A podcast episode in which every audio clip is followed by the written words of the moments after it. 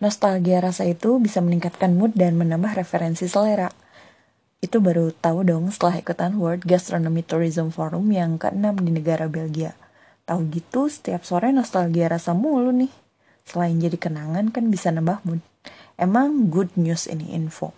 Nostalgia rasa per lidah dan setiap orang-orang itu beda-beda. Tapi yang paling diingat itu ya rasa umami. Ini definisi gurih dan macam-macam mengarah ke rasa asin, rasa manis, ya campur deh. Suka dengar kan rasa umami?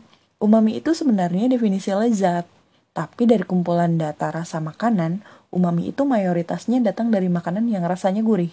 Karena pengaruh zat makanan bisa jadi dari bumbu itu sendiri atau dari bahan pangannya itu sendiri yang ngasih rasa gurih. Dan itulah rasa umami. Makanan apa aja nih yang rasanya umami? Kalau ditanya makanan jadul, ini adanya di kantin sekolah dan jajanan sekolah. Kalau menu nostalgia masa kecil nggak jauh-jauh dari menu-menu catering yang ada di kondangan. Itu umami kalau cateringnya yang mutu pangannya Yahut. Walaupun bukan masakan Nusantara, tapi bahannya lokal. Kayak zupa soup atau zupa-zupa. Hmm, itu umami.